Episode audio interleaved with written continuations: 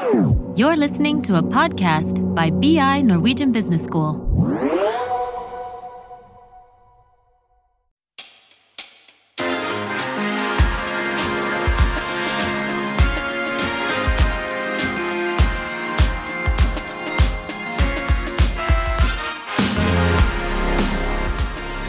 Living in a society where face recognition, artificial intelligence, and advanced surveillance system can track our every step. But at what cost? You might have heard about the Chinese social credit system, which gives associations to Black Mirror, Big Brother, and every other dystopian future sci fi writers can think of. The reality is more complicated, and in some ways, worse. In this episode, we will learn about the Chinese social credit system and more generally, how we can secure human rights in the digital age. In the studio today, I have with me Samson Joseph Esayas, who is Associate Professor at the Department in Law and Governance here at BI, and Gerald Folkvord, Political Advisor at Amnesty International Norway. Let's start from the basic. Uh, so, what is the Chinese social credit system? Well, uh, it is an uh, idea that actually was uh, born uh, 15 years ago in China uh, to map all citizens to follow whatever they do in order to give an individual score to every Chinese citizen and this score will be the basis on how you are treated by the government, what rights you have, uh, but also how you will be valued by business partners if people trust you when they sell you something or buy something from you, and so on. A kind of a, a rating system of every citizen based on their behavior that should be more or less accessible to everybody. Yeah, so I think the objective, the, the main goal of the system is to actually to have a holistic assessment of trustworthiness of individuals. So you get a score for you how much trustworthy you are, and there are kind of four, five things uh, or trustworthiness of the individuals that are that get measured. Uh, your financial trustworthiness. Uh, how, I mean, are you able to pay your loans? Uh, your um, uh, your societal trustworthiness. How much do you contribute to society's uh, uh, progress? For example, do you visit your parents? Perhaps do you contribute? Do you do you uh, contribute in voluntary activities? And also sometimes a bit of your political trustworthiness as well towards the Chinese state. How much do you, how do you react? How how do you engage with the, the Chinese state? So all that kinds of data uh, uh, gets gathered. There is quite a lot of technology that is in collect lots of data, and then you get score uh, in relation to your uh, total trustworthiness that could be used uh, for many different purposes. What makes the social credit system so unique? What is unique about the Chinese system is that it is part of a unique and techni- technically very, very advanced surveillance system that's already in place. Mm. So you have these scores, uh, but you also have that combined with uh, a facial recognition system that's hmm. installed mm. in all the major cities and that maps everybody all the time. You have incredibly detailed uh, databases about everybody, internet surveillance, internet censorship, and all that feeds in into the system Plus, you have many companies uh, in China who also are doing mapping of their customers and people who interact with them, and who by law are obligated to share all the information they have, have about their customers with the Chinese government.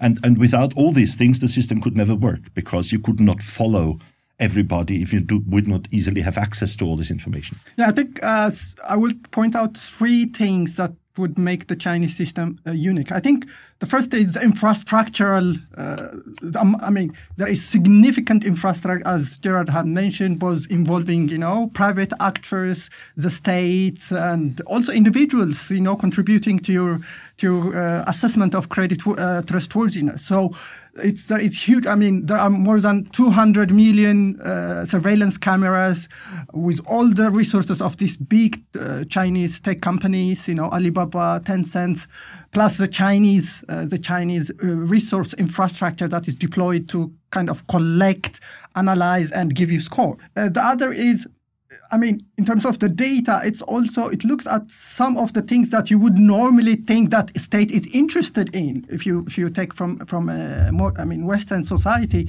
whether you visit your parents or not is something that you would leave to the individual. But that's that's something that also gets recorded and scored. So there is also lots of data that gets gathered and takes into consideration when you when you get the score. So uh, there is basically nothing that gets left off from your from from the assessment. And the third is uh, there is this uh, punishment and reward mechanism, which is really real time. So you get rewarded. So if you have high score, then you get easier access to public transport, to hospitals, to uh, to universities, uh, and gets promotions at work. Whereas if you have low score, uh, then you might be denied flights to to in, uh, you know outside and uh, access to schools, and sometimes even low score uh, of your parents might actually impact impact your your admission to university. So there is this effective effective enforcement mechanism, which is which can be done real time and, you know, then the state kind of outsourced a lot of that enforcement also to private entities and, and individuals as well, because you get also on TV, public, you can be publicly shamed on TVs and individuals wouldn't, for example, hire you or give, uh, for example, uh, uh, wouldn't lease or rent you apartments because they can see that you have you haven't complied with some rules or you haven't done, you haven't visited your parents perhaps, or you have criticized the government. So it is it is really scary sometimes to, to think of. So this sounds really scary and in the way of how the Chinese government are controlling the people.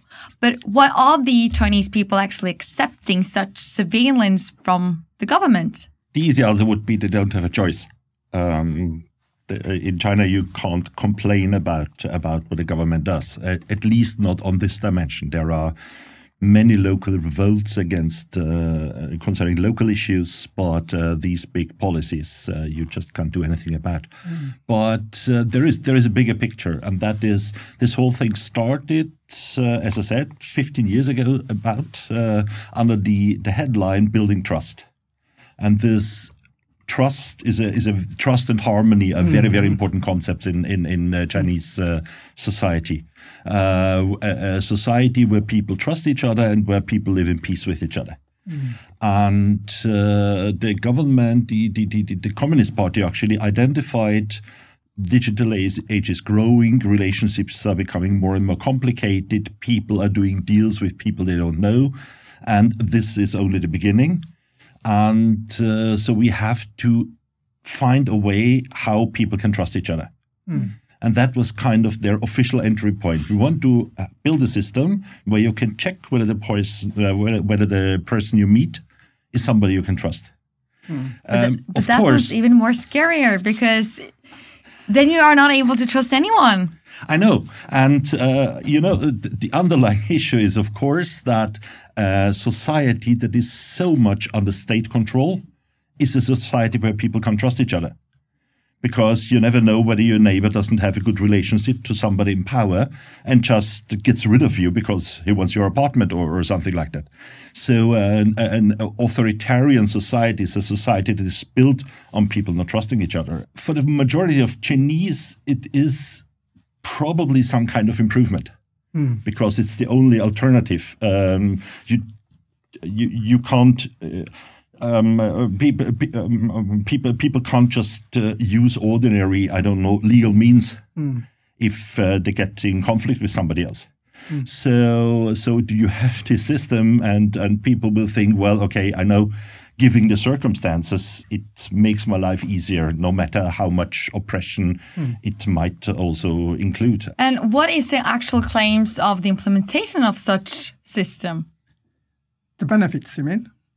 Well, I mean, I think one could see there are some benefits if you look from the government's perspective. I think this is uh, this is something really useful knowing, you know, whether people are actually complying with existing laws, whether it's traffic laws, uh, is is is good. And plus, the government kind of also outsources the enforcement mechanism of law. So the government has now do not do not need to send traffic police police to the streets to kind of fo- follow you whether you are you are adhering to the traffic laws. There are cameras, and there is an effective enforcement mechanism that actually punishes you if you don't comply with the red light.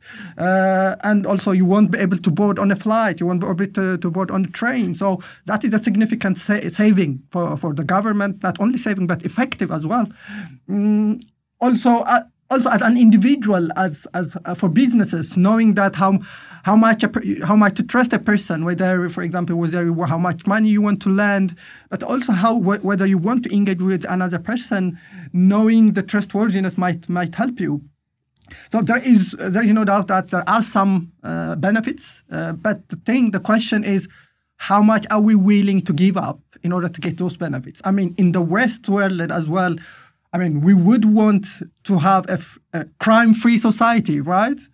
So uh, we are actually familiar with some of us, or at least I'm getting scores from either Airbnb or Uber, but also actually from the Norwegian banks if you're not paying your bill, or uh, and at some time you also received a notice of debt collection. Mm. And what is interesting about that? Do we have similar system in the Western world? You have, as as as you mentioned, you have many examples of some kind of rating.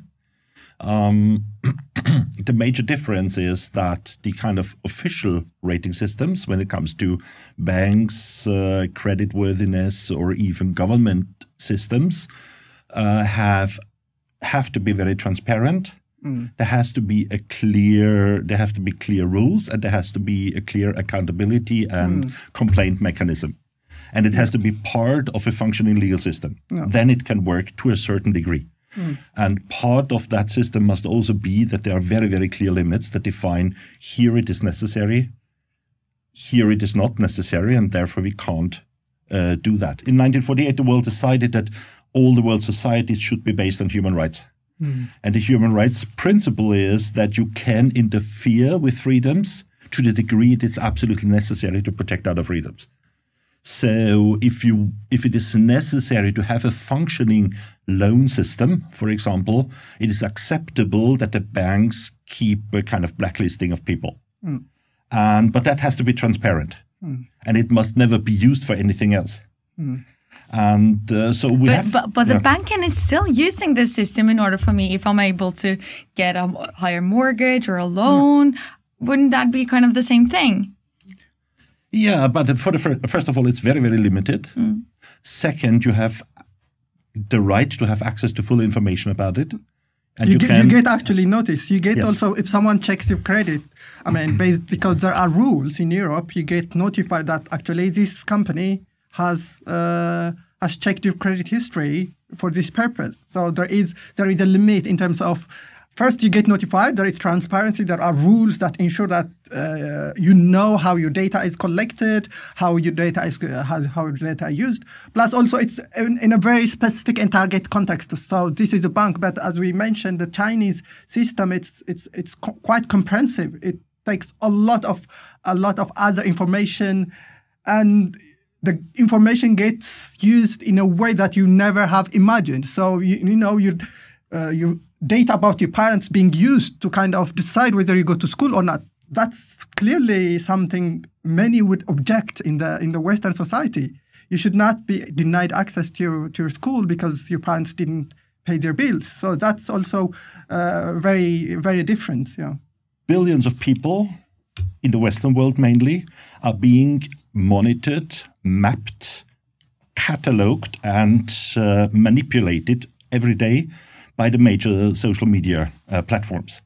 Facebook and Google are doing incredibly detailed profiles of every single user and many people who don't even actively use them to be able to manipulate, manipulate them in the best possible way. Everybody knows that. When we at Amnesty talk to people and say this has to be stopped, uh, they say, well, but you know, yes, I know it's invading my privacy and it can do a lot of harms, but actually, Facebook is great fun. Mm. And yes, I do want commercials that inform me about what I'm actually interested in. So I want Facebook to know all these things about me. And you like that until it is too late, until it hits you and you meet discrimination, hate, or whatever on social media. But then it is too late to do anything about this. Okay, so we talked about uh, the social media and how they're also controlling us citizens in some way, and also the social credit system in China. And let's take both of those to, uh, let's say, social credit system because the social media are some way a social credit system in the Western world.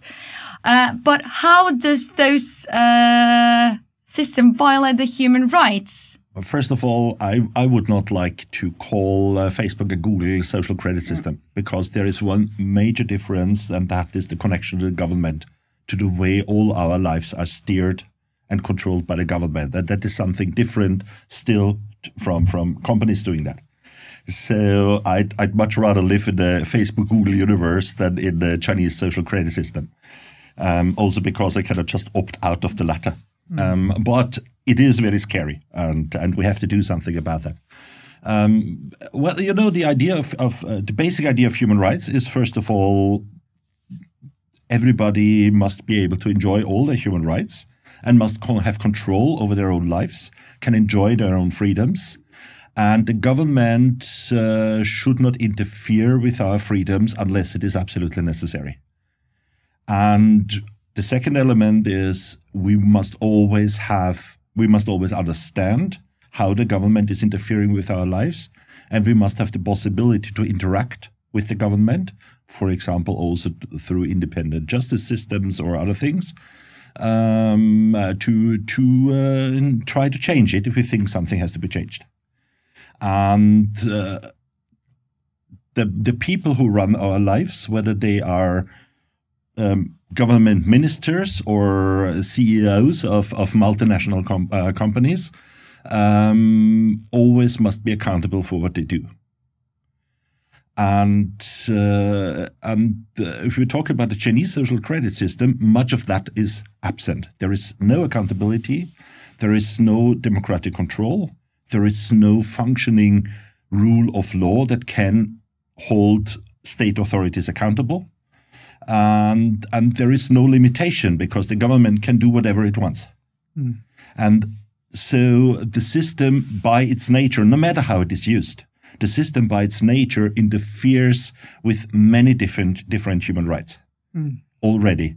And the second thing is that if the system then is used to abuse even more human rights, there is no there are no checks. Nobody can do something about it. I just want to uh, talk a bit specific, you know, of course, this uh, how does this system actually affect uh, different human rights, specific human rights? And of course, I think the major um, major right that would be impacted by this system would be, of course, your right to privacy. You know, the fact that this all data gets collected and used in ways that you don't you can't really foresee how it can it's going to be used is one one major impact. But also uh, this the fact that there is constant surveillance of individuals. Everything you do is being recorded and then there is immediate uh, sanction mechanism also has impact on your freedom of thought freedom of uh, freedom of expression because you get scores for uh, negatively criticizing the government on social on social media. So it means that people are going to keep quiet. Uh, so there won't be there won't be free uh, freedom to express your opinions, to engage in democratic uh, recourse. But also the system gets used to discriminate, to target people that are that are considered to be you know against the government. I think in Europe, given that you know you have uh, you have constitutional protections of these fundamental rights to privacy, freedom of expression. You don't actually need new legislation to protect you against the system of this Chinese social credit system, like because uh, there is a protection that there is this principle that Gerald mentioned earlier that any interference has to be proportionate. It's very interesting because uh, I wanted to touch upon and look at China as a nation to go a big some steps behind because China has developed as a nation, especially over the past decades, by exporting technology and goods to other countries. But how can, when we're talking about the social credit system uh, and how it's affect other nations, especially uh, those countries who are importing technology from China? Mm. Yeah, that, that's that's a very uh, worrying uh, thought because, as I say, China is not only using the systems themselves; they also offer them to other countries, and uh, very often these other countries uh, do not have the necessary uh, technological know-how, and then they just say to the Chinese, "Why don't you run it for us?" And uh, so China indirectly suddenly controls users in, say, Zimbabwe um, and that that is actually a very very worrying uh, development. And China is also working together with a number of European nations, and uh, that's also why we need this this new European regulation because it's not clear that not there wouldn't be even EU member countries that would think, oh, why, why don't we just have better control over our citizens? It will make government's life so much easier.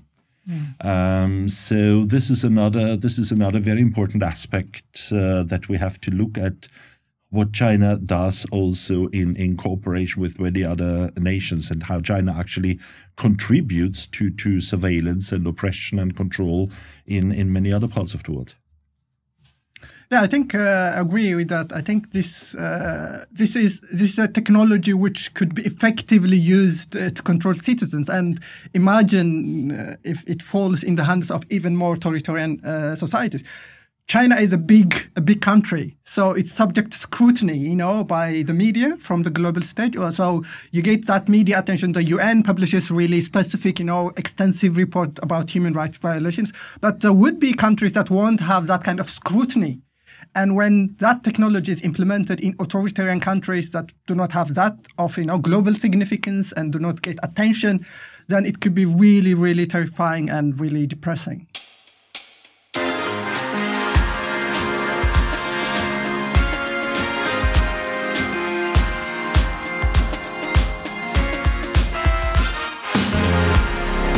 In this episode, we have talked about the Chinese social credit system, a governmental way of controlling and judging citizens' behavior and trustworthiness. If you don't pay a court bill, play your music too loud on the train, you can lose certain rights, such as booking a flight or train ticket. Chinese social credit system is a scary example of how technology enables surveillance of the inhabitants we need to be worried about similar tendency in the Western world and consciously need to fight for the human rights. This is a BI production. Listen to more podcasts. Go to bi.no slash podcasts.